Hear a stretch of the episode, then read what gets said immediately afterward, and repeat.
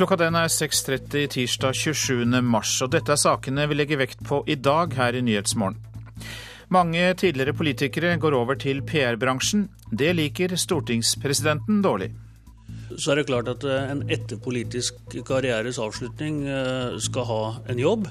Men jeg syns den tendensen til at veldig mange etter hvert går til en bransje som per definisjon skal påvirke politikerne, eh, jeg syns ikke det er noe særlig heldig. Stortingspresident Dag Terje Andersen. Gassutblåsningen fra en plattform på britisk side i Nordsjøen er ute av kontroll og kan vare i lang tid, frykter Bellona. Norge underskriver ny internasjonal avtale mot kjernefysisk terrorisme. Og urovekkende økning i henrettelser i land som fortsatt har dødsstraff, advarer Amnesty. Her i studio i dag, Øystein Heggen. Stortingspresident Dag Terje Andersen mener det er uheldig at så mange tidligere toppolitikere går til PR-bransjen. De som har erfaring fra politikk trengs andre steder i samfunnet enn i PR-byråer, sier Andersen. De siste par årene har mange arbeiderpartipolitikere sluttet til politikken for å bli kommunikasjonsrådgivere i First House.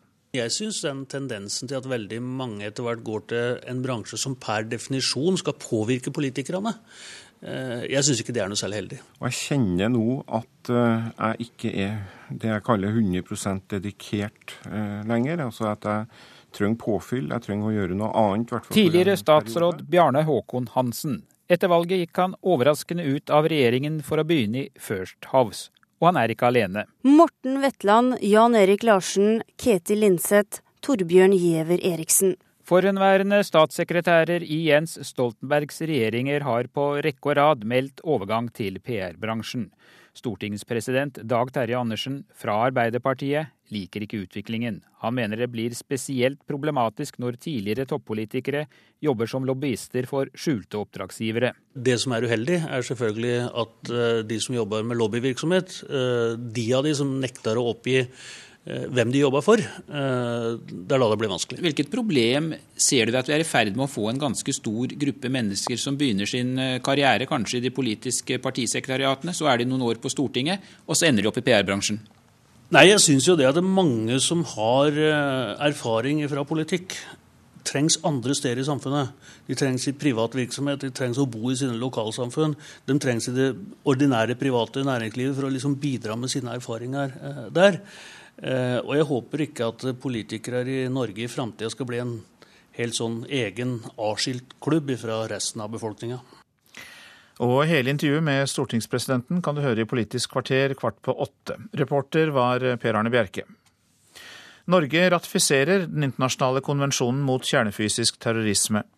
Jens Stoltenberg har deltatt på toppmøtet om atomsikkerhet i Sør-Koreas hovedstad Seoul, og jeg snakket med statsministeren om den nye internasjonale avtalen like før sending. Konvensjonen er et veldig viktig virkemiddel for å få til et sterkere internasjonalt samarbeid for å hindre at terrorister får tilgang til kjernefysisk materiale som de kan bruke til terrorhandlinger. Eh, det betyr bl.a. at det skal bli bedre samarbeid mellom politi i ulike land. Klare regler for eh, hvordan denne type materiale skal oppvares, slik at det ikke kan brukes til å lage atomvåpen. Hvilke følger får det for Norge? Er Norge nødt til å foreta noen eh, tiltak når de skal følge opp denne konvensjonen?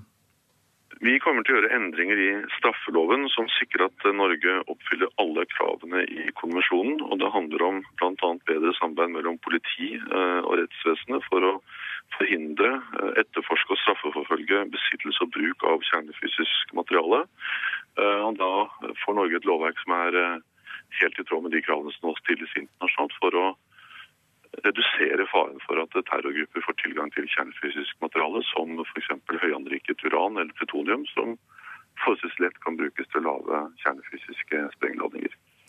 Er det en samstemmighet på det møtet du har vært på eh, om eh, denne konvensjonen og denne kampen mot eh, kjernefysisk terrorisme?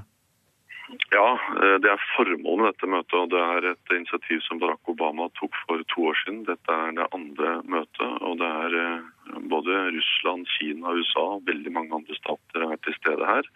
Og alle ser jo behovet for både å få til kjernefysisk nedrustning, for å få til ikke-spredning av kjernefysisk våpen, men også da få til mer tryggere håndtering av kjernefysisk materiale som allerede fins. Som finnes i mange land, også land som ikke har atomvåpen, men som representerer en fare fordi det kan komme uvedkommende i hende og dermed bli brukt f.eks. av terrorgrupper til å påføre mennesker veldig stor skade og gjøre store ødeleggelser. Det var statsminister Jens Stoltenberg fra Sør-Koreas hovedstad Seoul. Gassutblåsningen fra en plattform på britisk side i Nordsjøen er ute av kontroll og kommer til å være det i lang tid framover. Det frykter Bellona, som har nedsatt en gruppe for å følge utviklingen. Utblåsningen skjer på Elgin-feltet 140 km øst for Aberdeen, og det står en gassky opp fra plattformen. Eh, den skyen kan ses 11 eh, km unna. Akkurat nå tyder alt vi har klart å samle informasjon på at det vil bli vanskelig å stoppe utblåsningen, sier Bellona-leder Fredrik Hauge. Til nå er tre oljeplattformer i området med 323 arbeidere evakuert i forbindelse med denne utblåsningen. Politiet i Oppland foreslår at statsadvokaten tar ut enda en tiltale for voldtekt eh, mot moren, som ble dømt til tolv års fengsel for seksuelle overgrep i Alvdal. Politiet foreslår også da tiltale mot hennes eksmann, som eh, ikke er dømt for overgrep tidligere. Ifølge politiet skal paret ha begått grove seksuelle overgrep mot eh, kvinnens eldste datter da hun var mellom fem og tolv år gammel. Begge nekter straffskyld. Det er en eh, urovekkende økning av henrettelser i de få land som fortsatt dreper fanger. Det mener Amnesty International, som i dag lanserer sin årlige rapport om dødsdommer og henrettelser i 2011. Men samtidig så er det stadig færre land som gjennomfører henrettelser. Og generalsekretær i Amnesty International Norge, Jon Peder Egenes, velkommen. Takk. Det er vel en god nyhet eh, at det er færre land som gjennomfører henrettelser? Ja, det er en god nyhet, og det er en trend som har vart over eh, mange år.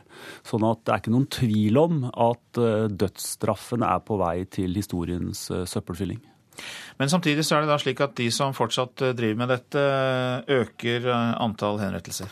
Ja, og det er interessant å se at de landene hvor det har økt mest, der vi kjenner tall, det er land i Midtøsten. Midtøsten. At, og det er stort sett land som ikke har opplevd en såkalt arabisk vår. Så vi tolker det dit at dette også handler om å holde kontroll på befolkningen i disse landene, ved å vise at man er villig til å selv gå så langt som til å drepe folk etter en dom. Så land i Midtøsten som ikke har opplevd den arabiske våren, eh, er blant de som bruker eh, dødsstraff mest. Hvilke andre land? Ja, Det landet som uten sammenligning henretter flest, men der vi ikke oppgir tall fordi de holder dem hemmelig, det er Kina. Der er vi overbevist om at det er tusenvis av mennesker som henrettes, men kineserne holder det hemmelig. Sannsynligvis bl.a. for ikke å få en debatt inne i Kina.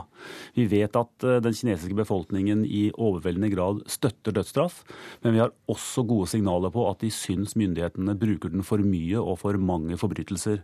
Eh, deretter kommer Iran, som har hatt en eh, grotesk økning i henrettelsene over ja, egentlig siden 2009, da det var eh, politisk uro der. Og vi kobler dette også sammen med frykten for at denne uroen skal styrkes av at det er mye uro i, i regionen. Så kommer Saudi-Arabia, hvor vi har sett en økning i år fra i fjor. Så kommer Irak, der vi også kobler det sammen med at amerikanerne nå har trukket seg ut, og at myndighetene på en måte skal sette makten sin.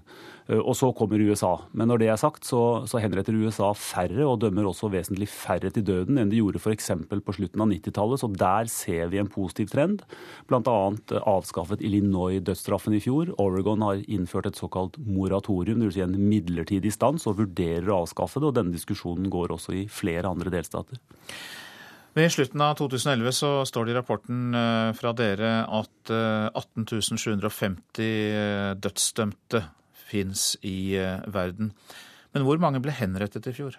Ja, Det var altså 676 eh, som ble henrettet i fjor, som vi kjenner til. Jeg understreker det, for vi har altså ikke oppgitt tallet fra Kina, som ville mangedoblet dette tallet.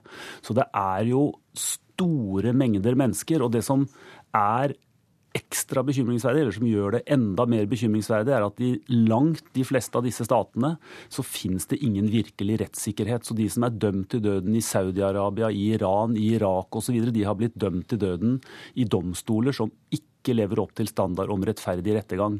Veldig ofte i summariske eh, rettssaker. Og vi vet om tilfeller f.eks. fra Saudi-Arabia hvor utlendinger som ikke behersker arabisk, har blitt dømt til døden uten engang å vite det selv, for de har ikke forstått hva som har foregått i, i, i domstolen.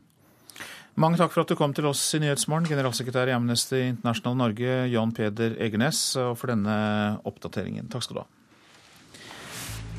Så skal vi si noen ord om avisenes forsider. Politiet gransker nye trusler fra mulla Krekar, skriver Aftenposten. Politiets sikkerhetstjeneste gransker nå trusler som Krekar angivelig kom med i helgen, rettet mot norske politifolk og norske interesser i utlandet. Nok er nok, bur ham inne, sier Siv Jensen til VG i dag. Frp-lederen sier dette etter at mulla Krekar raste mot en TV-fotograf eh, fra TV 2 og slo mot kamera da han ble bedt om en kommentar til dommen mot ham. Må tåle en dobling av renten for å få lån, er oppslaget i Bergens Tidende. Bankene forlanger at nye kunder tåler en mulig framtidig rente på 9% og det smadrer boligdrømmen for mange.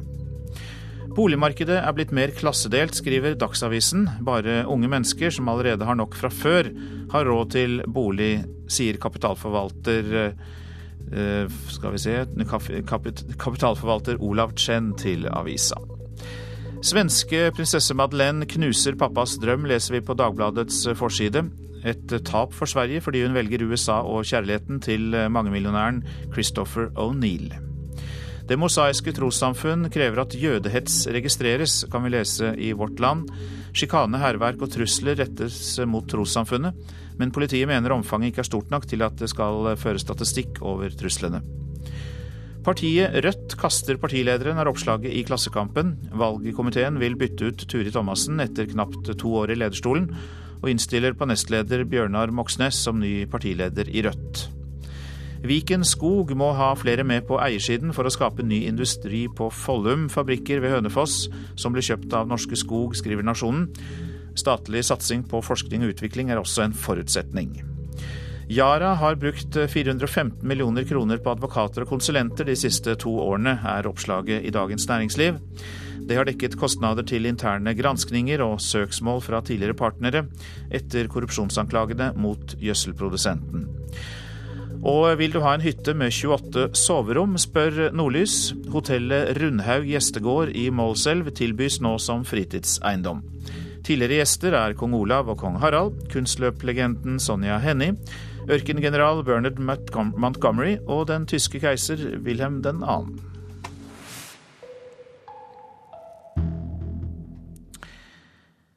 Da menigheten ble uten klokker og menighetssekretær, så visste sognepresten i Hasvik i Finnmark råd. Gjennom sitt eget firma leier han ut sin kone. I løpet av ett år har firmaet tjent nær 300 000 kroner. Multiconsults AS. Firmaet har gått under ulike navn, men eies av sognepresten i Hasvik. For ett år siden oppsto det akutt mangel på folk på kirkekontoret, som mangla både menighetssekretær og klokker.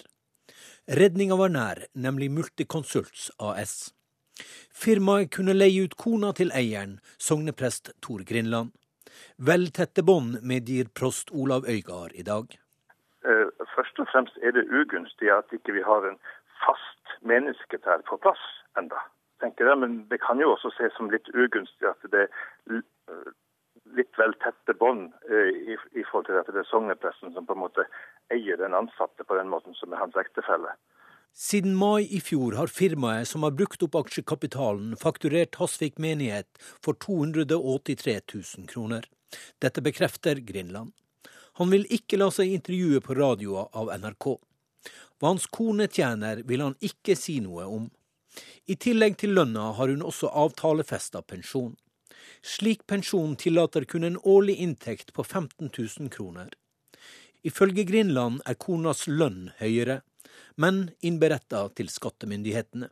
Jeg tar som en selvfølge alt Multikonsulent et, et seriøst firma som rapporterer her på skikkelig vis, og, og det gjør jeg. Reporter Rolf Jacobsen. Og så til et internt oppgjør i Rogaland. Fotballaget Sandnes Ulf imponerte mot Viking i klubbens første eliteseriekamp noensinne. Og trener Asle Andersen var stolt av spillerne etter uavgjort 2-2 mot storebroren fra Stavanger.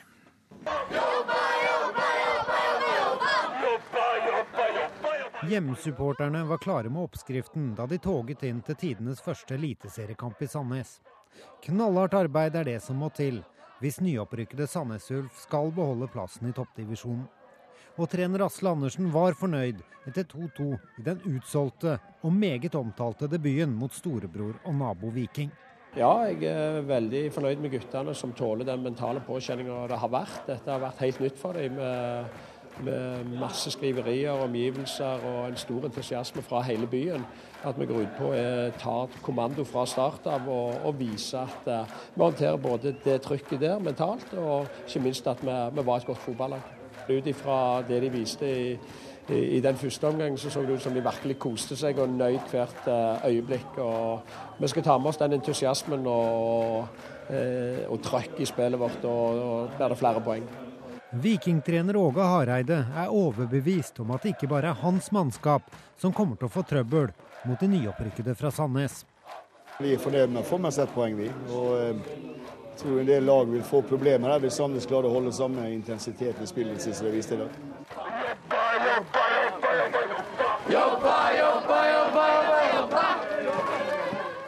Reporter her, det var Lars eh, Navestad. Du lytter til Nyhetsmorgen. Klokka passerte nettopp 6.46, og dette er våre hovedsaker. Gassutblåsningen fra en plattform på britisk side i Nordsjøen er ute av kontroll og kan vare i lang tid framover, frykter Bellona. Mange tidligere politikere går over til PR-bransjen. Det liker stortingspresidenten dårlig. Urovekkende økning i henrettelser i land som fortsatt har dødsstraff, viser rapport fra Amnesty.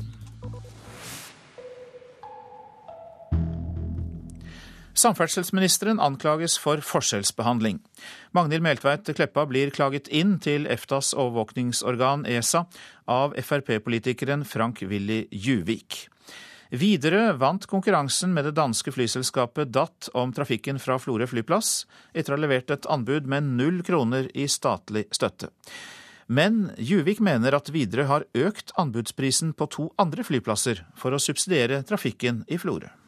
Det er veldig alvorlig hvis Samferdselsdepartementet forskjellsbehandler ulike aktører innenfor norsk luftfart. Så hindrer det konkurransen, og det hindrer at vi får et best mulig tilbud for de som bruker det regionale kortbanenettet i Norge. Striden om hvem som skal få drive flyrutene i Florø, havner på bordet til EFTA sitt overvåkingsorgan ESA i Brussel. Widerøe vant i januar konkurransen mot danske DAT. Widerøe kravde da ingen statlig støtte. For tre år siden var derimot kravet på hele 112 millioner kroner. I samme periode økte det norske flyselskapet anbudene sine på Sandane og i Ørsta med høvesvis 50 og 70% Så det er åpenbart at her prøver man å kryssubsidiere mellom flyplasser, noe som ikke er lov i henhold til eh, konkurransegrunnlaget. Kommunikasjonsdirektør i Widerøe Rikard Kongstein har tidligere avvist at selskapet har henta inn penger fra andre flyplasser. Påstanden er helt absurd, og grunnlaget er fullstendig feil. Frank Willy Juvik mener at Samferdselsdepartementet burde ha avvist anbudet fra Widerøe i Florø, fordi flyselskapet skal bruke en flytype som bryter med kravene i anbudskonkurransen. Det som bør skje her, det er at uh, man trekker tilbake den tildelinga som eh, Widerøe har fått i Florø. Og Den politiske ledelsen i Samferdselsdepartementet vil kommentere ESA-klagen seinere i dag. Reporter Noralv Pedersen.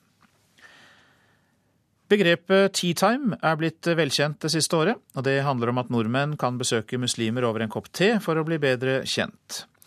Men på Sørlandet har ikke det vært en ubetinget suksess. Ikke fordi sørlendingene er fordomsfulle, men fordi svært få muslimer har valgt å åpne dørene for denne type besøk. Men der det skjer, har det oppstått køer av nordmenn. Jeg vet ikke hvis du liker sukker eller ikke, men vi drikker det med sukker. Ja, det er godt med sukker. Ja. Det er din te. Tusen takk. Og det er kake. Med te i kruset og gulrotkaker på tallerkenen sitter jeg i den hyggelige stua til Ben Halima Salawachi fra Algerie. Han bor på Hånes utenfor Kristiansand og har meldt seg som vertsfamilie for prosjektet Tea Time i regi av Antirasistisk Senter. Det er ganske nøyaktig ett år siden kampanjen ble startet opp, hvor muslimske familier ble oppfordret til å invitere nordmenn på besøk for å bli bedre kjent over en kopp te. Men ifølge Antirasistisk Senter er det kun ti muslimske familier på Sørlandet som har meldt seg som vertsfamilier. Noe som har ført til køer av sørlendinger som gjerne vil bli bedre kjent med muslimer. Det er språk, ja. Det, det er mange som er flaue. Altså flaue til å ikke snakke norsk språk.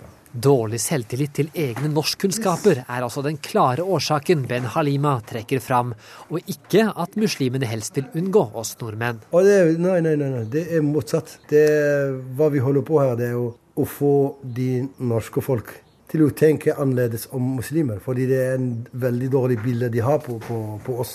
Og at flere sørlendinger faktisk står i kø for et muslimsk teselskap, fikk jeg raskt bekreftet. Tilbudet var nemlig godt kjent blant folk jeg tilfeldig møtte på gata. Eh, ja, det er veldig bra det. Eh, det gjør jo at vi blir et flerkulturelt samfunn, da. så det er veldig godt for eh, våre innvandrere. Det høres veldig lurt ut, sånn med tanke på å få folk til å kanskje komme over visse barrierer med å bli kjent med andre som de ellers aldri ville turt å ta kontakt med. Kunne du tenke deg å tatt et sånt besøk sjøl? Det er ikke helt umulig. Nå har jeg veldig mange kontakter fra før. Det er sånn jeg er ikke uvant med slikt, men ja, ser ikke bort fra det. Lill Anita Falk fra Nednes er en av dem som står i kø. Ja, hei. Hun er faktisk litt overrasket over at det var ventetid. Det er vel kanskje noen måneder siden jeg meldte min interesse etter å ha lest om Teatime i avisen. Hva var grunnen til at, at, du ønsker å bli bedre kjent med en muslimsk familie? Ja, det handler jo om å, ja, viktigheten av forståelse mellom kulturer og religioner. Og, og jeg tror at Time er et veldig godt eksempel på det å skape en sånn trygghet og nysgjerrighet mellom mennesker med ulik bakgrunn. Og, og det kan føre til positive ting. Min dør er åpen til alle. Alle som ønsker å drikke en kopp te med oss. Sier Ben Halima Salawachi, som har hatt mange tedrikkende sørlendinger på besøk. Og dermed i alle fall har gjort sin del for å redusere køen av selskapssyke sørlendinger litt. Det var veldig koselig. Veldig koselig familie. Og jeg fikk to prester til og med på besøk. De traff hverandre her. Ja, hvor mange nordmenn har du hatt på besøk, da? De sammen med barn. rundt 122. Det er ganske mange? Det er mange. Det var jo bare i to måneder. Men du vil gjerne besøke enda flere, du? Ja, ja, ja, jeg vil gjerne. Og de som ønsker å komme på besøk, velkommen. Det smakte veldig godt. Tusen takk for både kake og te og salam. Og I denne reportasjen så møtte du Ben Halima Salawachi og Lill Anita Falk, reporter Yngve Stiansen. Til tross for stor mangel på studentboliger brukte regjeringen bare 58% av de bevilgede midler til nybygging i fjor. Forrige høst var det 4500 studenter som ikke fikk bolig, og ifølge en studentpolitiker har folk sluttet på studiene sine fordi de mangler bolig, skriver Aftenposten i dag. Kulturkortet gir ungdom tilgang til kulturopplevelser for en billig penge. Men etter at det ble lansert i 2006, har flere fylker trukket seg ut av ordningen, og mange vet ikke engang at den eksisterer. Nå skal kulturministeren evaluere. Det har jeg ikke hørt om før. Nei, ikke jeg heller. Nei, jeg har ikke hørt om det. Nei, ikke hørt om det.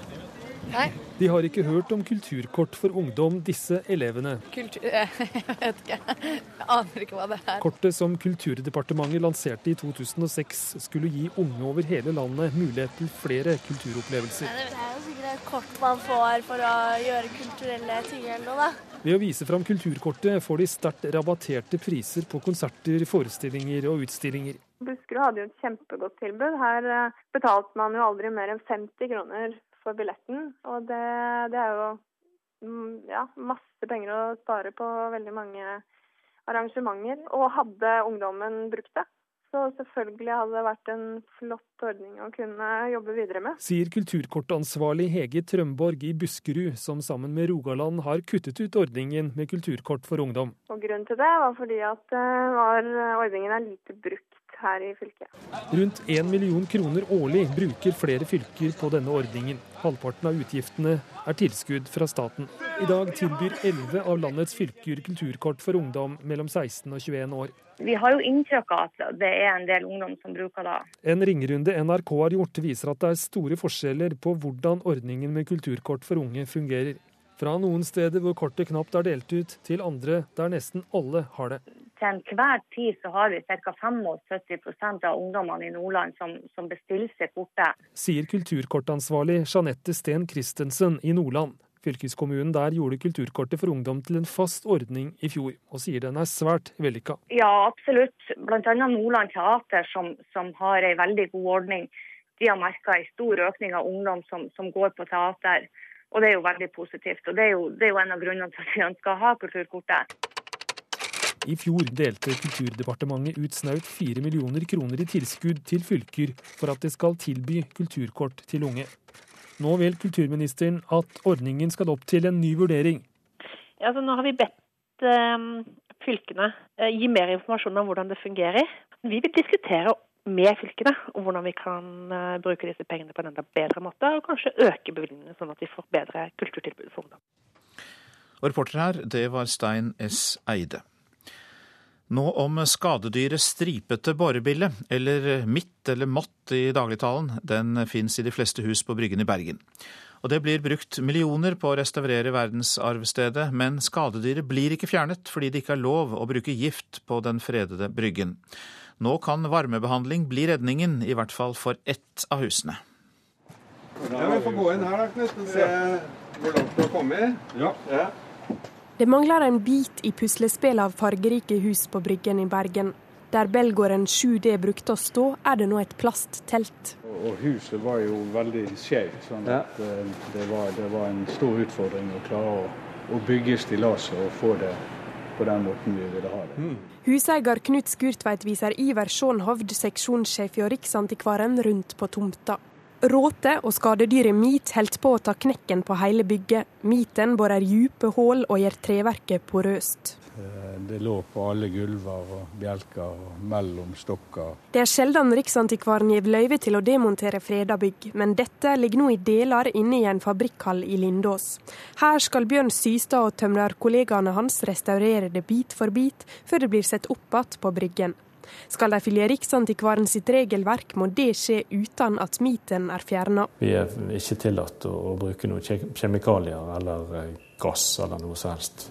Siden dette huset er demontert, åpner det seg en ny mulighet. Her kan tømmeret varmebehandles så skadedyra dør. Eh, nå kommer vi til å varme dette her opp til eh, ca. 55 grader. Og da skal dette ta knekken på midten. Nå har jeg ikke fått full søknad på det, så derfor så tør jeg ikke å si helt eh, alle planer. Men sånn som de har presentert det for meg så langt, så ser det veldig spennende ut. Og det er jo samtidig en veldig unik mulighet nå når alle alt materialet er demontert og det faktisk skal gå inn i et uh, varmekammer for behandling, så syns jeg at det er viktig at vi ser på den muligheten. Ja, det sa Iver Schonhovd, seksjonssjef hos Riksantikvaren. Reporter Rebekka Nedregotten Strand.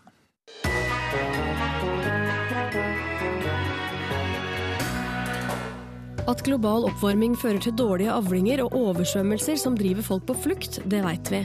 Men nå har forskerne funnet ut at høyere temperatur også øker antallet pestbakterier i rotter.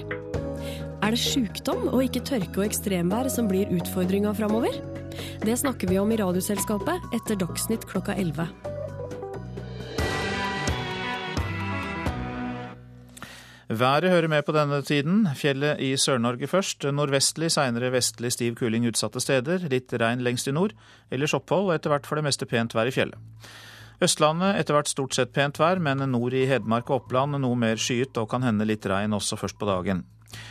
Telemark og Agder får på kysten vest for Oksøy periodevis liten kuling, men stort sett pent vær for øvrig.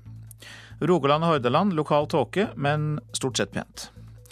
Sogn og Fjordane sørlig bris, sørvest til dels sterk kuling ved Stad. Skyet eller delvis skyet oppholdsvær, lokal tåke først på dagen. Møre og Romsdal periodevis sterk kuling på kysten, litt regn og yr i nordlige områder, men ellers stort sett eh, oppholdsvær også der. Trøndelag perioder med stiv kuling på kysten, og i Trøndelag blir det regn og yr i dag. Helgeland og Saltfjellet også regn og yr. Salten, Lofoten, Lofoten og Vesterålen får sørvestlig liten kuling. I ettermiddag eh, vestlig periodevis stiv kuling. Regnbyger, og det kan bli snø over 500 meter. Troms sørvestlig liten kuling. I ettermiddag øker det til eh, vestlig stiv kuling. I kveld kortvarig sterk kuling i Troms. Regn og sluddbyger må de, byger må de regne med der. Finnmark nedbør som brer seg eh, fra vest. Regn i lavlandet i vest, ellers sludd eller snø. I kveld så blir det vestlig til dels stiv kuling eh, vest i Finnmark. Nordensjøland på Spitsbergen. Sørøstlig liten kuling utsatte steder. Av og til stiv kuling på kysten, og det kan bli litt snø. Temperaturer målt klokka fire. Svalbard lufthavn minus fire. Kirkenes er nede i minus 14 grader i dag. Vardø minus fire. Alta minus tre. Så er det plussgrader i resten av landet. Tromsø tre. Bodø seks. Det samme i Brønnøysund, seks grader. Trondheim sju, Molde ni. Bergen fem grader. Det samme i Stavanger fem. Kristiansand 13. Gardermoen fem grader. Lillehammer fem. Røros fire grader. Og Oslo-Blindern hadde åtte grader klokka fire i natt.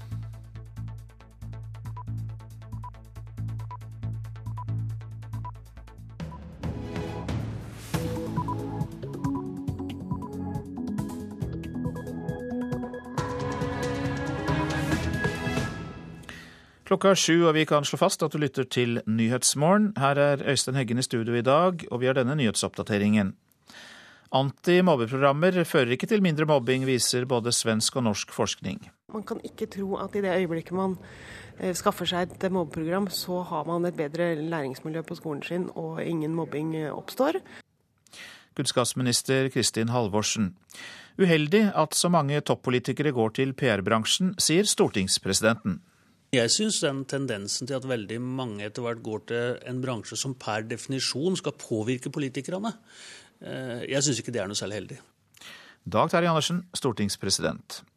Gassutblåsningen fra en plattform på britisk side i Nordsjøen er ute av kontroll og kan bli vanskelig å stanse.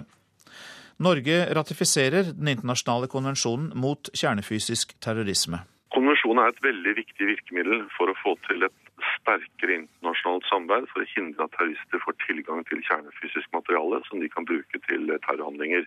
Statsminister Jens Stoltenberg. Og vi skal høre at det er store forventninger til lønnsløft i hotell- og restaurantbransjen. Antimobbeprogrammer fører ikke til mindre mobbing. Det er ingen påviselig forskjell på skoler med eller uten antimobbeprogram, viser rapporter gjort for både norske og svenske utdanningsmyndigheter. Ved Brannfjell ungdomsskole i Oslo bruker de ikke antimobbeprogrammer, men jobber med forebygging, og har mange aktiviteter for elevene i musikkrom og idrettshall. Jeg møter jo ungdom som smiler, holder opp døren for oss voksne. Og vi tror jo det har noe med at vi blir engasjerte, vi syns det er gøy å jobbe med dere. Vi liker at vi har ordentlige ting å tilby. Og jeg tror jo det henger sammen, det, da. Og det at um alle disse mulighetene vi har på skolen her, gjør at eh, elever gleder seg til å komme på skolen.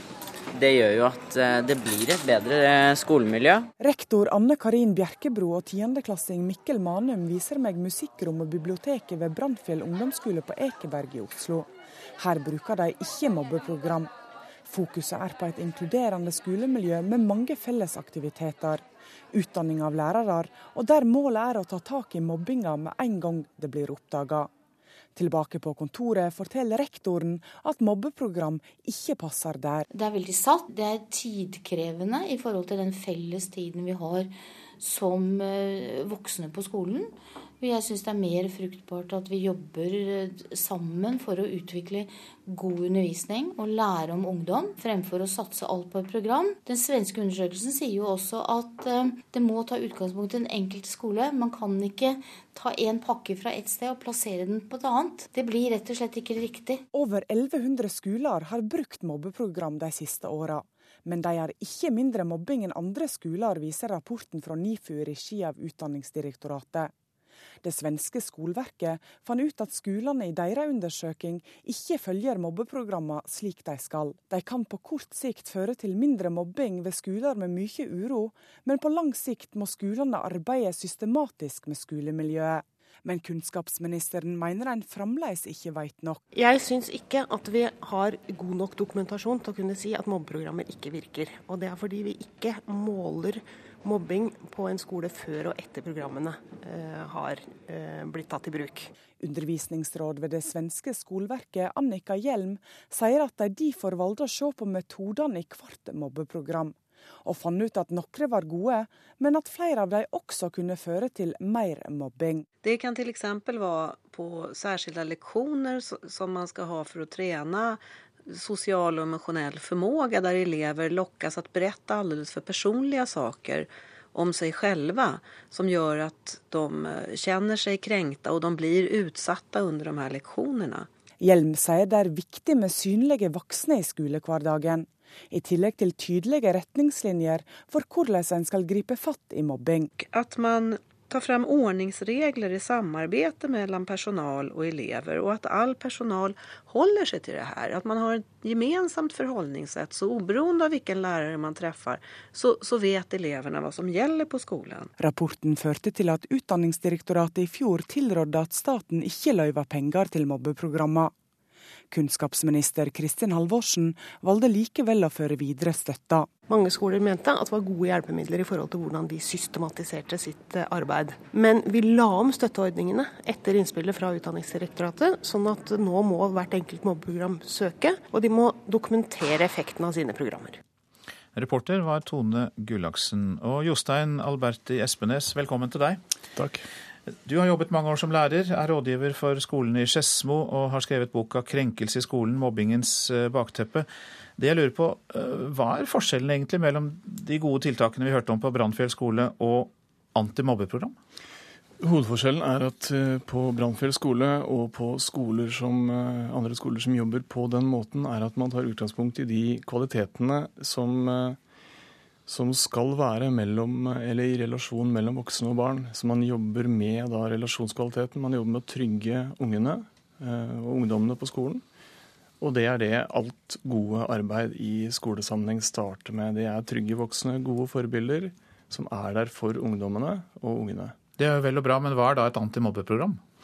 Et antimobbeprogram er et mye mer helhetlig system hvor man, hvor man legger opp til f.eks klassesirkler hvor det skal snakkes om mobbing. Man, eh, man, er opptatt av å avdekke mobbing, lete etter mobbing. Eh, man har undersøkelser som elevene skal svare på, hvor de skal svare på når de blir mobbet, eh, hvordan de blir mobbet, hvor ofte de blir mobbet. Og disse programmene i seg selv har ingen effekt, og det vet vi jo nå ut fra hva forskningen sier, og vi har hatt disse programmene i en 20-30 år. Hovedgrunnen til det er jo at programmer løser ingenting. Det er de voksne i skolen som må gjøre en jobb. Men er det ikke veldig viktig med bevissthet eh, mot mobbing, og da kan mobbeprogrammene, eller antimobbeprogrammene, føre til det? Den bevisstheten? Jo, eh, absolutt viktig med, med, en bevisstgjøring rundt hva krenkelse handler om. fordi det er dette det egentlig dreier seg om. I loven, opplæringsloven så er man opptatt av, eller så står det at eh, skolen skal stoppe krenkelse når de får beskjed om det. Hvis krenkelse utvikler seg videre, så er det mobbing. Så mobbing er gjentatt krenkelse. Så det mobbeprogrammene eller antimobbeprogrammene gjør, er faktisk da å ha et fokus på lovbrudd som begås av skolene. Sånn at de, de avhenger av at det skjer lovbrudd, at skolen ikke griper inn ved krenkelse, eh, for at de skal kunne være legitime i skolen. I boka di har du ikke også skrevet at bare bruken av begrepet mobbing er problematisk? Jo, det har blitt det. Uh, etymologisk langt tilbake så, så handler dette om lynsjemobb. Uh, alle mot én. Det kan man jo alltid lure på. Hvem, hvem er lynsjemobben på en skole når alle er enige om at mobberen er en gutt på ni år? Uh, en annen ting er at over tid så har mobbebegrepet blitt bare følelser, stort sett. vonde, vonde, vonde følelser. Det er et vanskelig begrep å bruke for lærere. Det er vanskelig for foreldre å få telefonen og høre at din datter eller sønn er en mobber eller et mobbeoffer. Eh, det løser ingenting, det gjør det bare vondt. Eh, det stigmatiserer. Eh, Kristin Halvorsen er blant dem som har vært veldig tydelig på at det går stort sett dårlig både med mobbere og mobbeofre. Og da må vi begynne å jobbe på en annen måte som løser situasjoner, i stedet for å gjøre det vanskeligere for barna. Jeg vil da tilbake til de tiltakene vi hørte om fra Brannfjell skole. Er det de rådene du gir til Skedsmo? For eksempel. Eh, viktigst av alt er å trygge arbeidet, eh, eller trygge relasjonene mellom lærere og elever, det er å jobbe systematisk for å styrke læringsmiljøet. Og da er det både relasjoner, det er tydelige regler, god håndhevelse, det er god struktur. Varme, trygge, tydelige klassestyrere og lærere i det hele tatt. Det er det vi vet har veldig, veldig, veldig god effekt, og det har det alltid hatt. En god liste å følge der fra Jostein Alberti Espenes, eh, som er lærer og rådgiver eh, da i eh, Skedsmo. Takk for at du kom. Takk for det.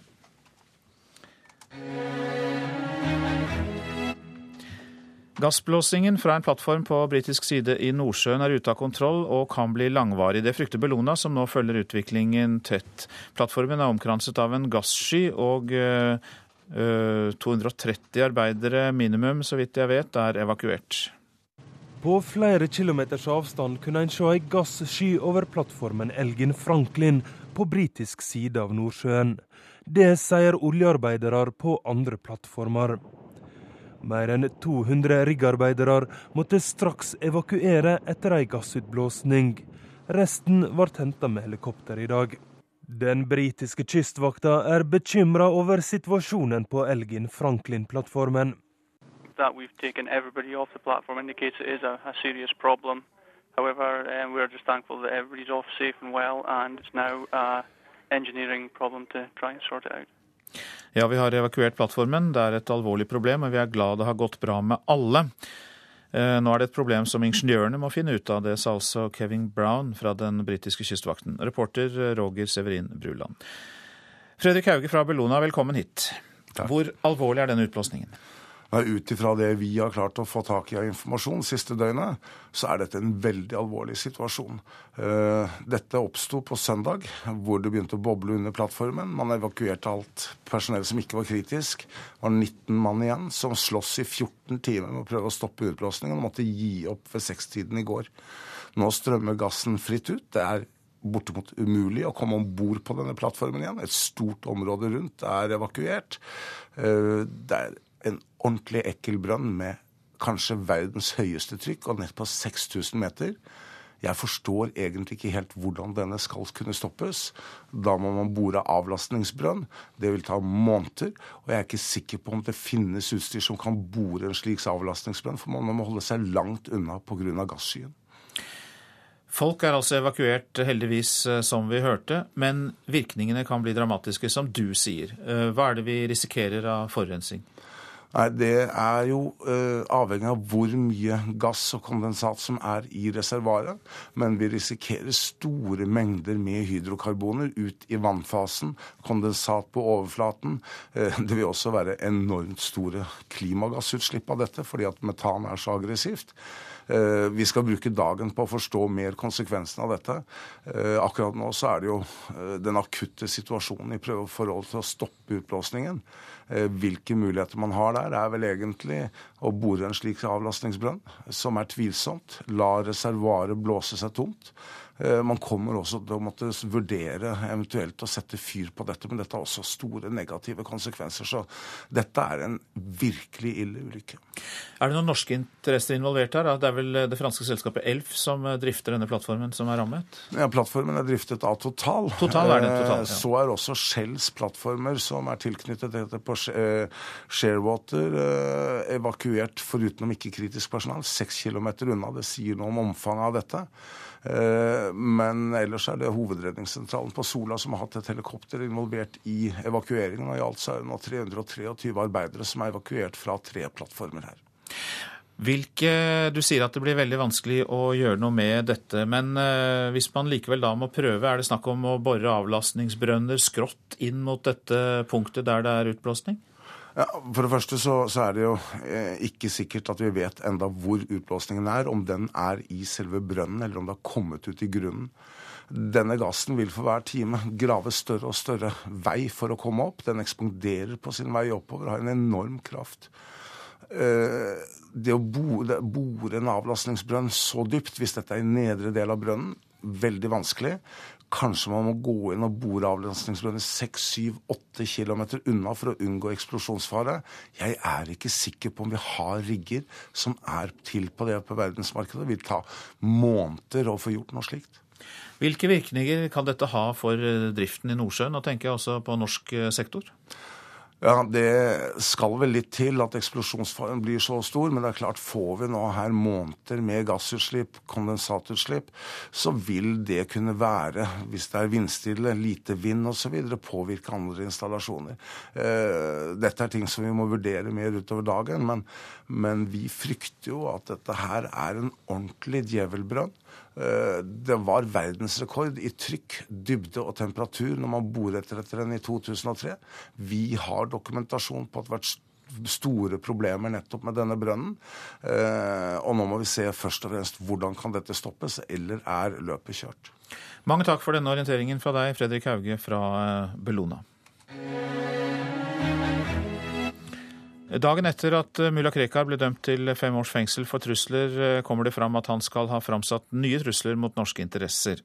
Ifølge kilder Aftenposten har snakket med, skal mulla Krekar på nettstedet paltalk.no i helgen ha oppfordret til handlinger mot norske politifolk og norske interesser i utlandet.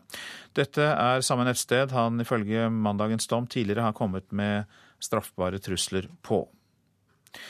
Stortingspresident Dag Terje Andersen mener det er uheldig at så mange tidligere toppolitikere går til PR-bransjen. De som har erfaring fra politikk, trengs andre steder i samfunnet enn i et PR-byrå, sier Andersen. De siste par årene har mange arbeiderpartipolitikere sluttet i politikken for å bli kommunikasjonsrådgivere i First House. Jeg syns den tendensen til at veldig mange etter hvert går til en bransje som per definisjon skal påvirke politikerne, jeg syns ikke det er noe særlig heldig. Forhenværende statssekretærer i Jens Stoltenbergs regjeringer har på rekke og rad meldt overgang til PR-bransjen.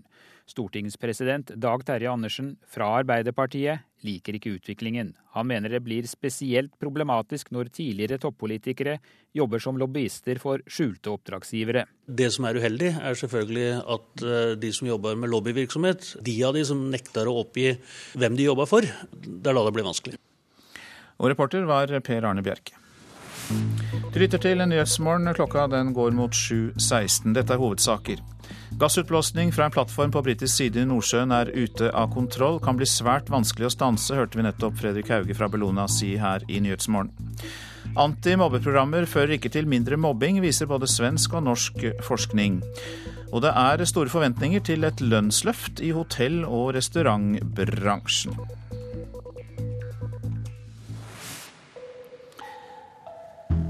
Og det skal vi høre om nå, for eh, ferske tall viser at eh, denne gruppen har falt eh, etter i lønnsutviklingen de siste årene. Derfor er streikeviljen stor. I dag leverer Fellesforbundet sitt krav til NHO Reiseliv. Ine på 21 år er servitør i Oslo. Hun håper på lønnsløft, men vil ikke stå fram med fullt navn og arbeidssted overfor NRK. Vi burde løftes litt opp på lik linje med industriarbeiderne, og vi, er, vi har bare ca. 75 av hva en industriarbeider har. Ine på 21 år har mange medspillere i Fellesforbundet. Lokalavdelingene i bl.a. Trondheim, Oslo og Stavanger krever et løft på 20 kroner timen. Leder for Fellesforbundet i Stavanger, Eldar Myhre, sier det er streikevilje i organisasjonen hvis ikke NHO er villig til å legge pengene på bordet. Ja, dette her er folk som blir blitt skuffa gang etter gang, og de har jo nå forventninger på at uh, denne gang så skal det bli et reelt resultat. Og de er innstilt på det som trengs for å få det til. Både Myhre fra Stavanger og 21 år gamle Ine mener NHO må ta inn over seg at ansatte i hotell- og restaurantbransjen har problemer med å skaffe seg en egen bolig pga. dårlig økonomi. Det er ikke så vanskelig å se at dette her er et lønnsnivå som ikke klarer å matche eh, f.eks. boligmarkedet i dag. Eh, vi unge i hotell og restaurant vi har en utrolig lav lønn, og for oss å komme inn på boligmarkedet er nesten helt umulig. Forhandlingsleder for de ansatte i hotell- og restaurantbransjen, Claes Delp, er mer forsiktig i sin ordbruk. Men også han mener mange i bransjen har god grunn til å forvente et løft som monner i år. Vi ser jo det at deler av bransjen går veldig godt. Eh, og de medlemmene som jobber i de bedriftene som går godt, har høye forventninger til årets oppgjør. Og det syns jeg er helt riktig at de skal ha også. Heller ikke Claes Delp avviser at årets forhandlinger kan ende i streik. Ja, Det er klart det er alltid en konfliktfare med store og vanskelige krav. Og Det er jo ting som ligger på bordet i frontfagene som de jobber iherdig med i disse dager, som slett ikke er noe enkelt. Forhandlingsleder for motparten NHO Reiseliv, Jostein Hansen, legger vekt på at deler av hotell- og restaurantbransjen går dårlig. Men han innrømmer at andre deler av bransjen kan tåle et lønnsløft. Ja, det er vel riktig at det ikke går så dårlig i de største byene. Men så sliter distriktene veldig. Hansen vil ikke kommentere hvor store sjansene er for streik ved årets forhandling. Ja, de har en rett til å, å streike, og, og, og, hvis vi ikke kommer til en løsning, så blir det resultatet. Reporter her Berit Aalborg. Så et blikk på avisene. Nok er nok, bur ham inne, sier Siv Jensen om mulla Krekar til VG. Frp-lederen sier dette etter at mulla Krekar raste mot en TV 2-fotograf og slo mot kameraet da han ble bedt om en kommentar. Må tåle en dobling av renten for å få lån, er oppslaget i Bergens Tidende. Bankene forlanger at nye kunder tåler en mulig framtidig rente på 9% og det smadrer boligdrømmen for mange unge. Boligmarkedet er blitt mer klassedelt, skriver Dagsavisen. Bare unge mennesker som allerede har nok fra før, har råd til bolig, sier kapitalforvalter Olav Chen. Svenske prinsesse Madeleine knuser pappas drøm, leser vi på Dagbladets forside. Er tapt for Sverige fordi hun velger USA og kjærligheten til mangemillionæren Christopher O'Neill. Det mosaiske trossamfunn krever at jødehets registreres, kan vi lese i Vårt Land. Sjikane, hærverk og trusler rettes mot trossamfunnet, men politiet mener at omfanget ikke er stort nok til at de skal sette i gang en registrering av truslene. Partiet Rødt kaster partilederen, er oppslaget i Klassekampen. Valgkomiteen vil bytte ut Turi Thomassen etter knapt to år i lederstolen, og innstiller på nestleder Bjørnar Moxnes som ny partileder i Rødt. Viken Skog må ha flere med på eiersiden for å skape ny industri på Follum. Ved, fabrikken ved Hønefoss ble kjøpt av Norske Skog, og det er Nasjonen som skriver dette. Statlig satsing på forskning og utvikling er også en forutsetning. Yara har brukt 450 eh, 415 millioner kroner på advokater og konsulenter de siste to årene. Det leser vi i Dagens Næringsliv i dag. Det har dekket kostnader til interne granskninger og søksmål fra tidligere partnere etter korrupsjonsanklager mot gjødselprodusenten.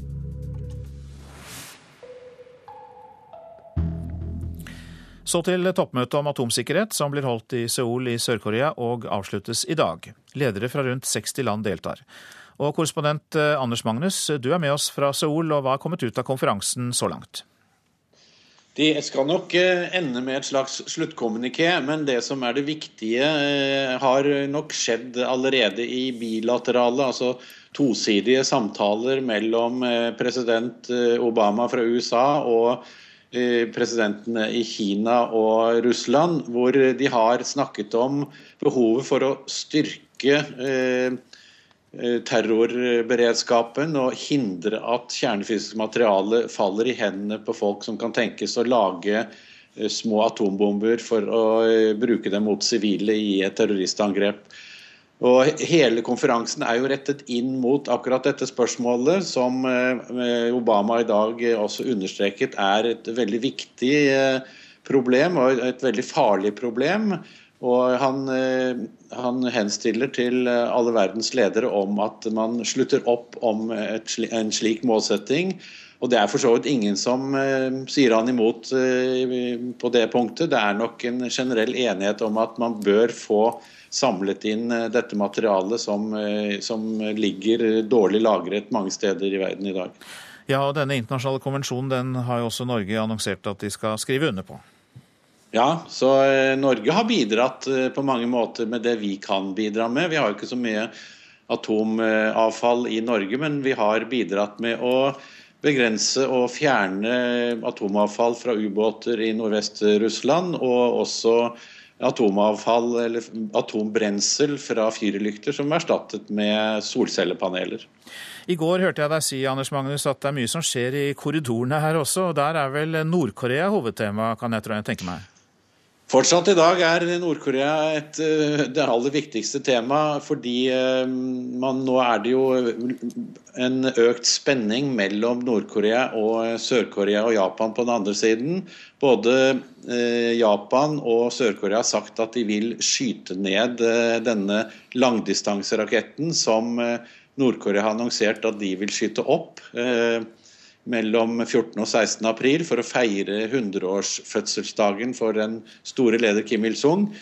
Eh, Japan har allerede utplassert eh, sine batterier for å skyte ned eh, denne raketten. Og i Sør-Korea har nå annonsert at kommer raketten inn over sørkoreansk luftterritorium, så vil de også skyte den ned. Så den militære spenningen øker nok på mange måter her nå. Og vi, vi må jo se hva som skjer i midten av april. Da kan det bli en farlig situasjon på Koreahalvøya.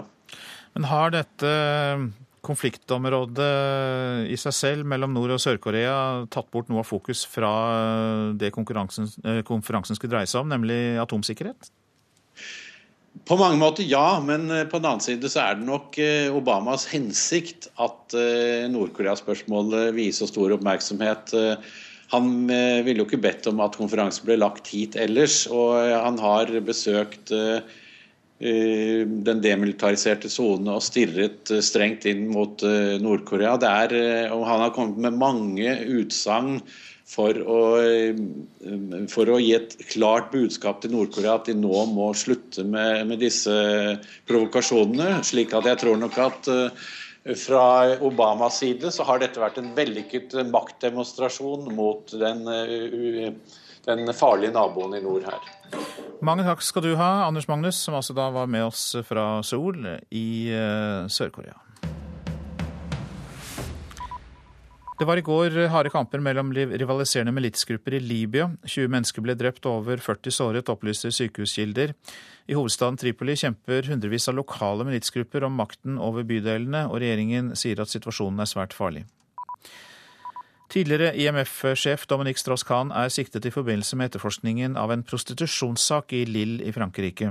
Han etterforsket for medvirkning til hallikvirksomhet, sier hans advokat. Strauss-Kahn er fast bestemt på at han ikke er skyldig i denne saken, sier advokaten. Sudans president Omar Hassan al-Bashir utsetter et planlagt besøk i Sør-Sudan, der det i går var harde kamper mellom sudanesiske og sørsudanske styrker. En militær talsmann i Sudan anklager sørsudanske styrker for å angrepet det oljerike Heglig-området, som begge land gjør krav på. Den arabiske våren og kampen for demokrati har ført til økt bruk av dødsstraff i Midtøsten. Det viser Amnesty Internationals årlige opptelling av gjennomførte og avsagte dødsstraffer. Det er registrert 50% flere henrettelser på et år i Midtøsten, men da først og fremst i land som ikke har gjennomført noen arabiske vår eller systemendringer. Cubanerne gleder seg over et storstilt besøk fra utlandet. Pave Bendikt kom til Cuba i går kveld og holdt i natt messe i landets nest største by, Santiago. Og det er andre gang det isolerte landet Cuba får besøk av katolikkenes overhode.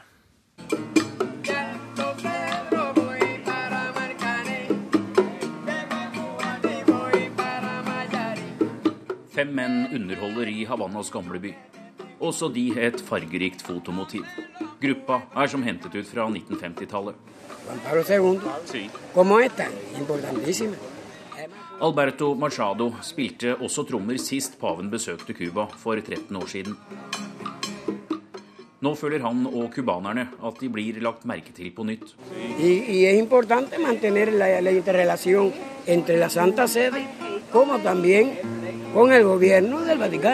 Pavebesøket er viktig for fred og stabilitet i verden, her også, sier Alberto. Han mener forbindelsene til Vatikanet er bra for Cuba, men han tror ikke det blir store endringer.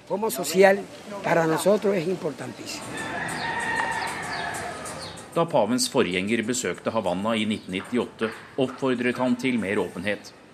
Det er tegn til økonomiske reformer nå, men ettpartiregimet består, og det er president Raúl Castro som bestemmer fart og innhold. Ah, la visita del Papa significa una cosa muy grande para todos nosotros, aunque sean católicos o no católicos. Sí.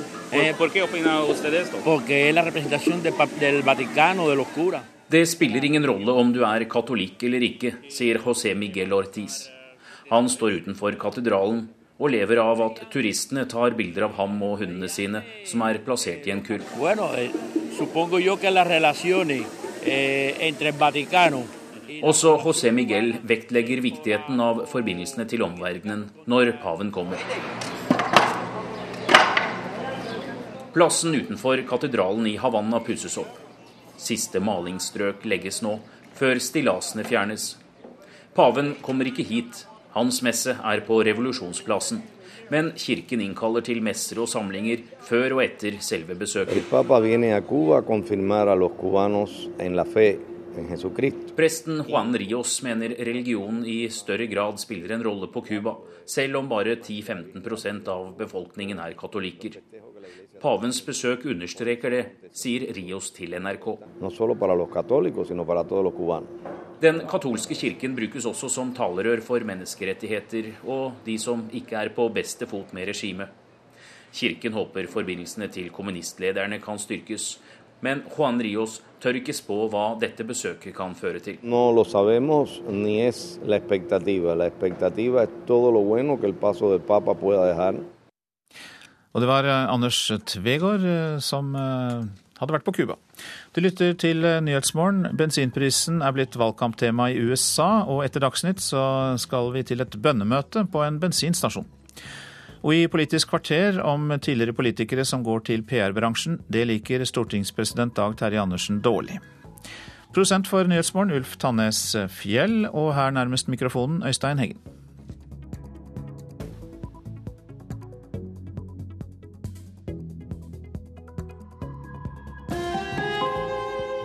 Hør ekko. Barnevernet gjør flere grove feil enn vi aner og slipper unna med det, mener psykologer og advokater med lang erfaring fra barnevernssaker. Rettssikkerheten til foreldre og barn er rett og slett ikke god nok, mener de. Ekko 9 11 i NRK P2.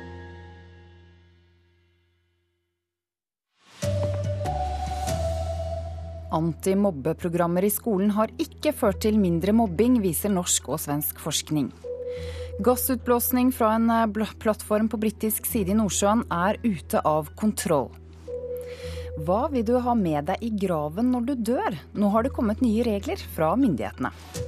God morgen, her er NRK Dagsnytt, klokken er 7.30.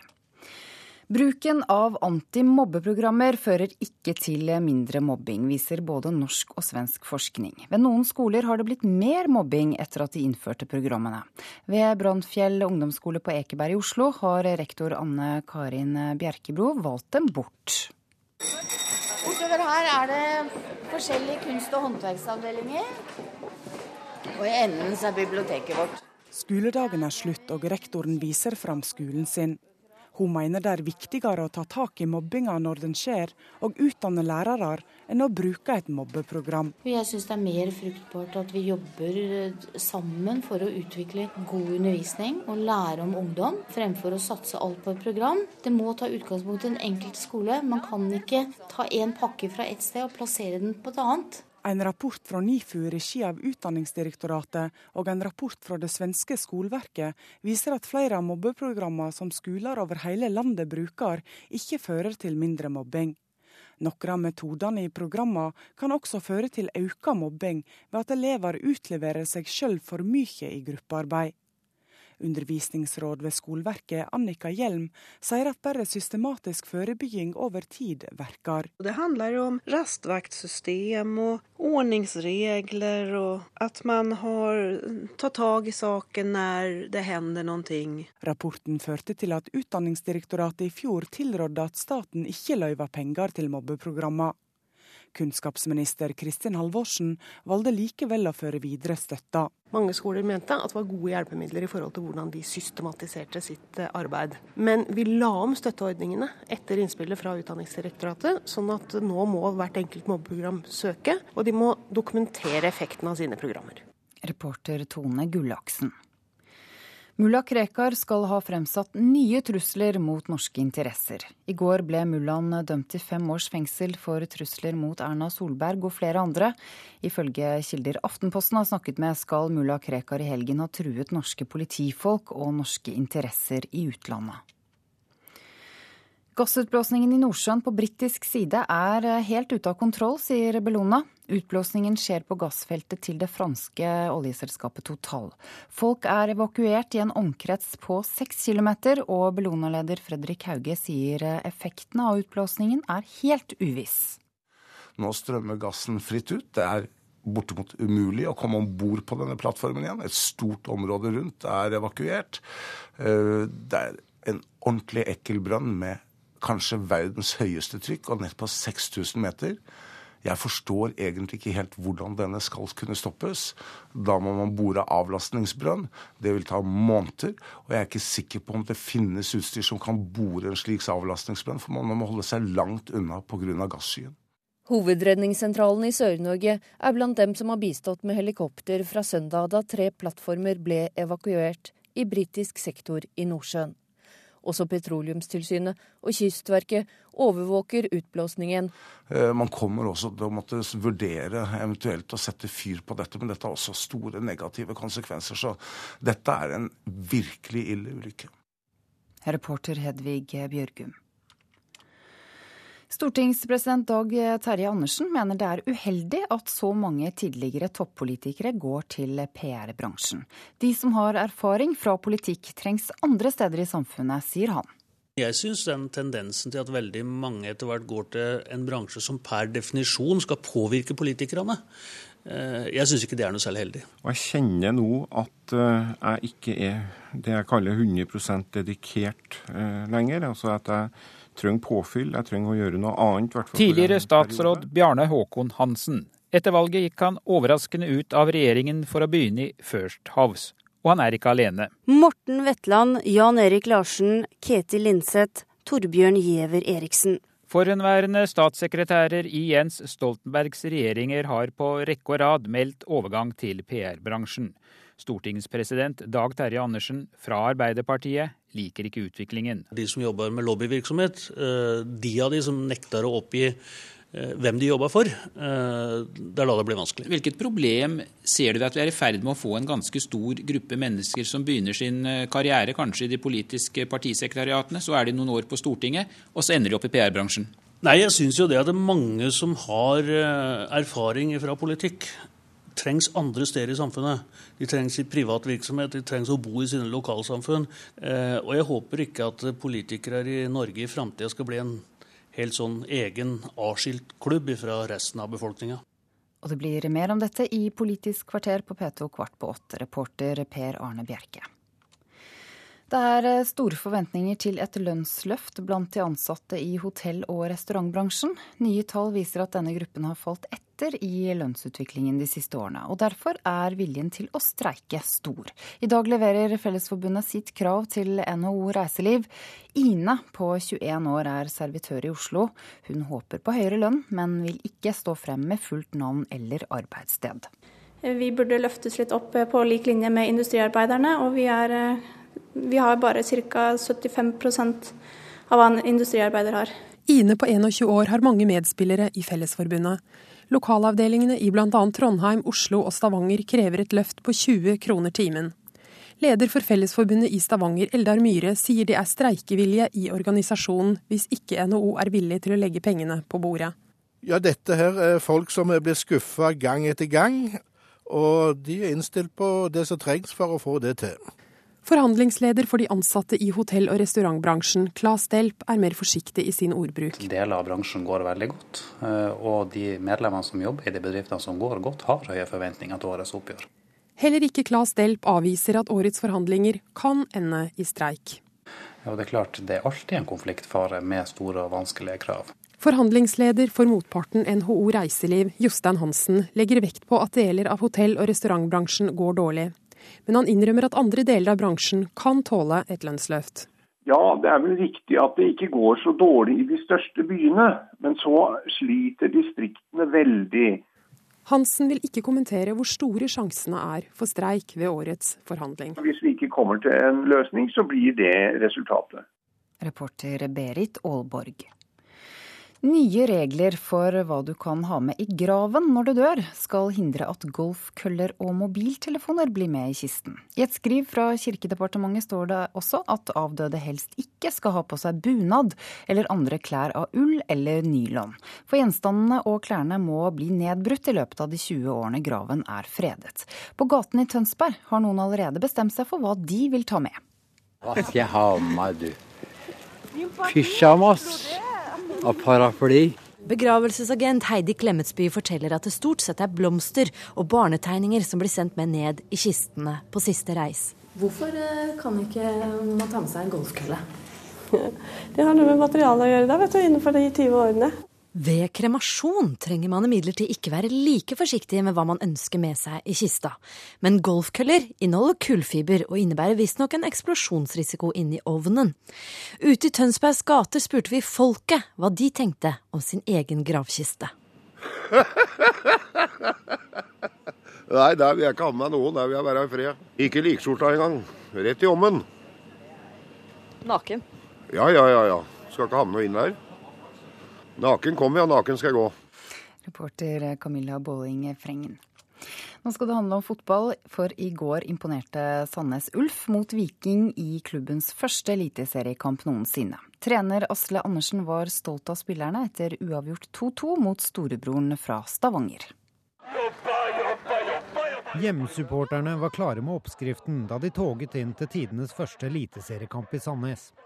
Knallhardt arbeid er det som må til hvis nyopprykkede Sandnes Ulf skal beholde plassen i toppdivisjonen og trener Asle Andersen var fornøyd etter 2-2 i den utsolgte og meget omtalte debuten mot storebror og nabo Viking. At vi går ut på å ta kommando fra start av og, og vise at uh, vi håndterer både det trykket der mentalt, og ikke minst at vi, vi var et godt fotballag.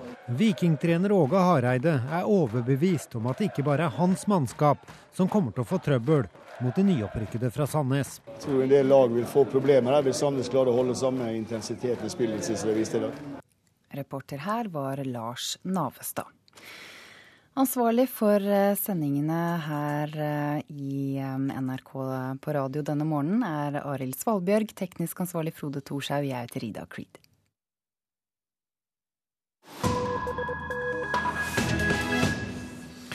Dette er Nyhetsmorgen, nå om bensinprisen som er blitt valgkamptema i USA.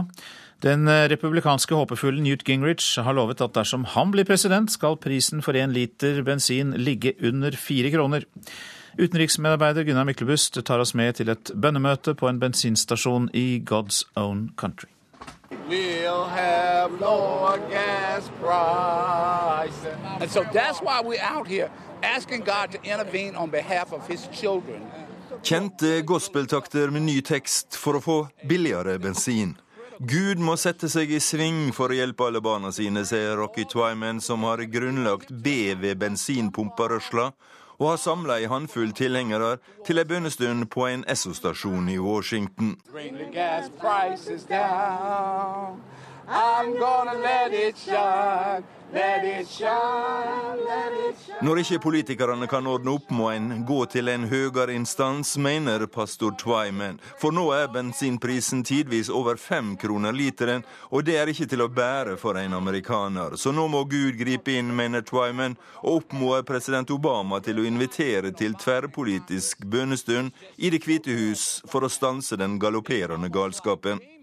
Få andre ting, om noen i det hele tatt, kan vekke slik nasjonal harme i USA som auka bensinpris. Amerikanerne er vante med å betale to-tre kroner literen, og det europeiske prisnivået blir tidvis framstilt som helvete på jord, og det mest talende uttrykket for hvor galt det kan gå når sosialismen får ture fram.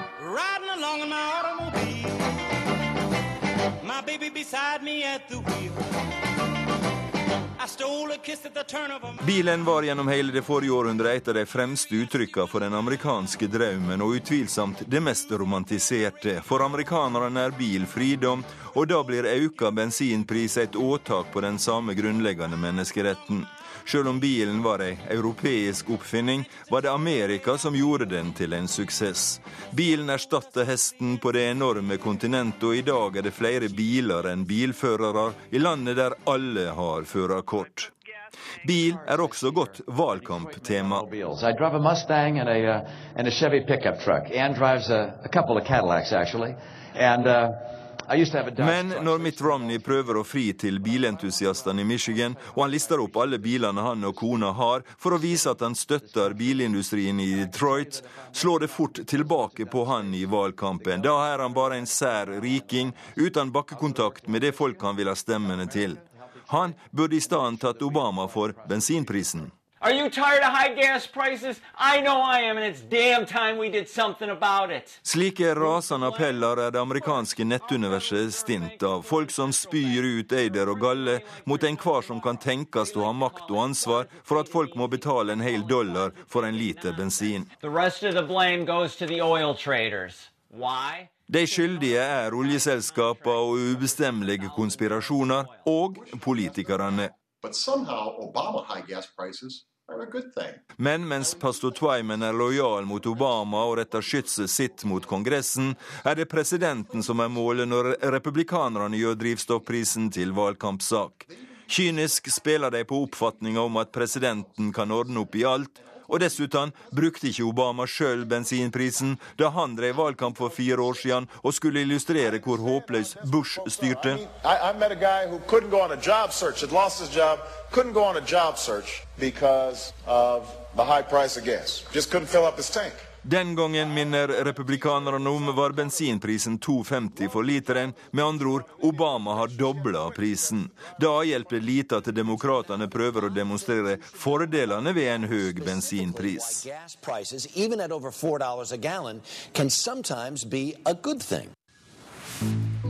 Dette er hovedsaken i Nyhetsmorgen. Antimobbeprogrammer fører ikke til mindre mobbing, viser både svensk og norsk forskning.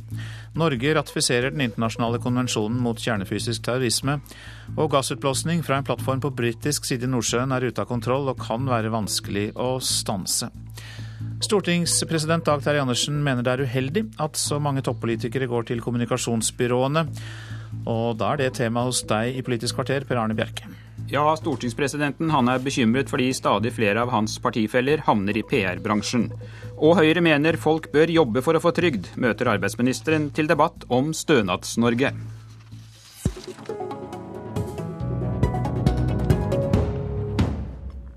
Høyre mener vi er på vei mot et stønadssamfunn. Og arbeidspolitisk talsmann Torbjørn Røe Isaksen, hvorfor mener dere det?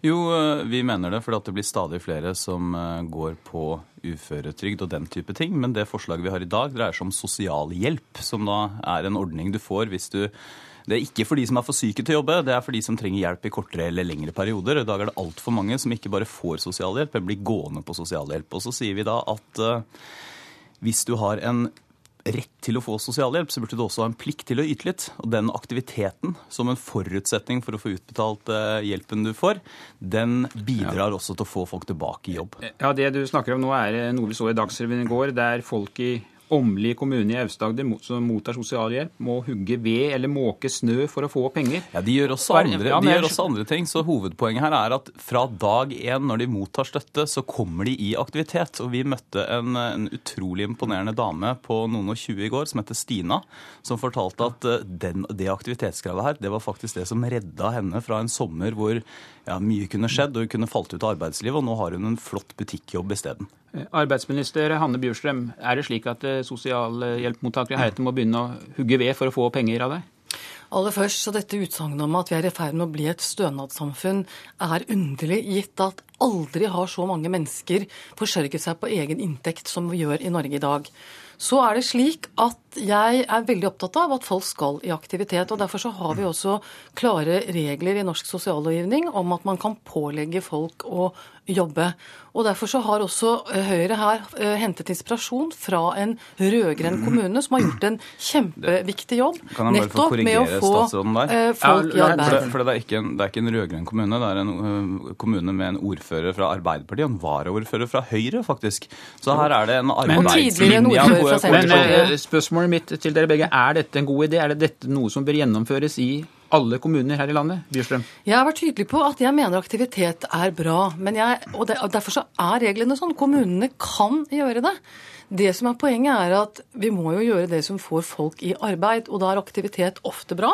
Men for alle er det ikke det. Det er den eneste forskjellen på meg og Torbjørn Røe Isaksen er at han vil ha en hel plikt. Det kan ikke være noe individuelt skjønn om dette er bra for deg. Jeg mener at vi må sørge for at vi gjør det som er klokt for den enkelte, og så må vi ha en fornuftig aktivitet å gjøre. Vedhogging virker bra, men det er ikke alle steder vi kan drive med vedhogging. Vi må gjøre noe som er fornuftig, som får folk tilbake i arbeidslivet. Torbjørn Røe Isaksen, er det ikke en fare for at dere nå stigmatiserer alle sosialhjelpmottakere, nærmest stempler dem som latsabber dersom de ikke er villige til å hogge litt ved for å, for å få penger? Nei, overhodet ikke. Eh, og det vi gjør, det som har fungert så bra i bl.a. Åmli, for det er andre kommuner også som gjør det, det er at du sier at skal du ha sosialhjelp, så skal du også være i aktivitet. Og det er da et krav, et pålegg, en plikt, og hvis ikke så får du redusert utbetalingene dine. Det ønsker vi å gjøre i alle kommuner i Norge, og vi ønsker å skjerpe regelverket, sånn at aktivitetsplikt er hovedregel og noe man må gjøre. Og det sier Arbeiderpartiet nei til, og det sier statsråden nei til. Så problemet her er jo at mens statsråden sitter og snakker om arbeidslinja, så gjennomfører hun det ikke i praksis. I Åmli kommune har man redusert sosialhjelpsutbetalingen med 70% men enda viktigere, man har klart å hjelpe veldig veldig mange mennesker, særlig unge. Eller veldig mange blir ikke, for det er ikke så veldig stor kommune, men i hvert fall ganske mange mennesker. Over fra en passiv tilværelse som klient over til aktiv deltakelse som arbeidstaker. Poenget er at Høyre her slår inn åpne dører. Den adgangen er der. Kommunene må bare gjøre den jobben.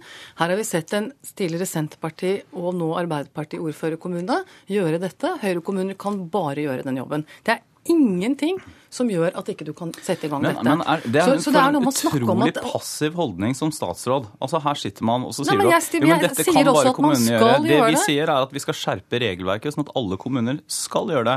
Og her skal du ha en generell regel som sier at eh, hvis du mottar sosialhjelp, så skal du være i aktivitet. Og det er klart at det har noen svakheter også, for det kan da hende at vi et eller annet sted pålegger aktivitet til noen som ikke burde være i aktivitet. Men dagens regelverk er jo sånn at vi henviser veldig mange mennesker til passiv, passiv Jo, men, eh, stønadsutbetaling.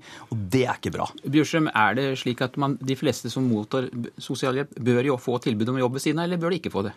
Jeg mener at de aller fleste skal inn i aktivitet. og Derfor så har jo denne regjeringen også laget noe som heter kvalifiseringsprogrammet, som nettopp er å få de, alle de som står lengst ute fra arbeidslivet, sosial, langtids, sosialhjelpsmottakere, inn i arbeid.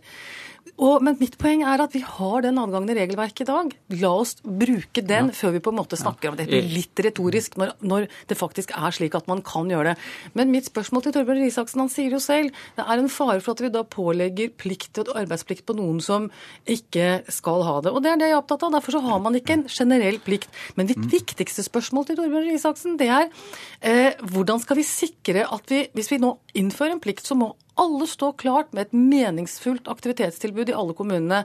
Er vi der hvor du kan si at vi kan gjøre det? Er det da Ja. klokt å si en plikt? Blir ikke det da bare et Nei. litt sånn retorisk grep, og ikke en, et innholdsmessig grep? Nei, overhodet ikke. og det, det er to uenigheter her. For det første så er det sånn at Arbeiderpartiet har begynt å, eller de fortsetter å snakke om arbeidslinja, men de gjennomfører det ikke i praktisk politikk. Og det andre er at statsråden er veldig opptatt av at det skal være en aktivitet med mening, som hun sier, og det betyr da utdanning eller arbeidstrening. Det er jeg enig i at det er målet. Men det er også et poeng at man skal i aktivitet så tidlig som mulig. Og da er det som flere rød-grønne politikere snakka veldig hånlig om i går, altså ja, ærlig arbeid som å hogge ved eller hjelpe noen med å måke snø, eller være i en flyttegruppe eller hjelpe kommunen med å holde grøntarealene i orden, det er også viktig aktivitet. Og det du må huske på er at i kommunene hvor det er blitt forsøkt, så er jo brukerne også veldig fornøyd.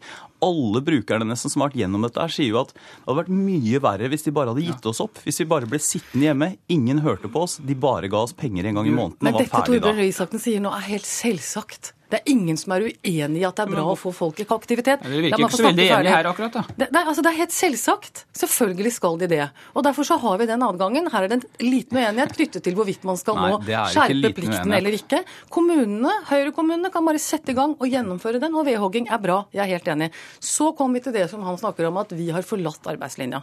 Da gjentar jeg meg selv. Det er, har aldri vært så mange mennesker som forsørger seg på egen inntekt som det er i Norge i dag. Og da blir det et underlig utsagn. Dette er jo riktig, Torbjørn Røe Isaksen, at sysselsettingen har jo gått opp. Ja, sysselsettingen har gått opp, og det er kjempebra og veldig viktig at vi holder orden i norsk økonomi. Men samtidig så er da de som faller utafor arbeidslivet, har også økt. Altså det er flere og flere som faller ut av arbeidslivet, og det vet jeg statsråden også er bekymra over. Er det, problemet er at altså det er jo ikke en liten uenighet. Altså Vi sier at kommunene, og hvis du skal motta sosialhjelp, så skal du ha en generell plikt også til å være i aktivitet. Arbeiderpartiet sier nei til det. De sier da, lesser alt over på kommunene og sier at dette kan bare kommunene ordne. Jeg syns det er en ansvarsfraskrivelse også som statsråd. Og så vil jeg si at ulempene med dagens system er større, nettopp for at i dag er det så mange som blir sittende passive uten å bli sett, uten å få noe tilbud. Bjørstrøm? Jeg hører dette at vi skal hele tiden tilbake til at det er en enighet. Er, muligheten er der, bare gjør den jobben. Og vi, kan godt, vi kunne godt ha sagt at det var en plikt, men vi hadde ikke fått gjort det noe mer. fordi at det er faktisk i dag slik at man kan gjøre det. Men så tilbake til det at det blir stadig flere og flere på trygd. Det er ikke en veldig økning i antallet mennesker på trygd i dette landet. Og det er faktisk slik at Det må vi ta i neste sending. Takk skal dere ha. Hanne Bjørstrøm og Torbjørn Røe Isaksen.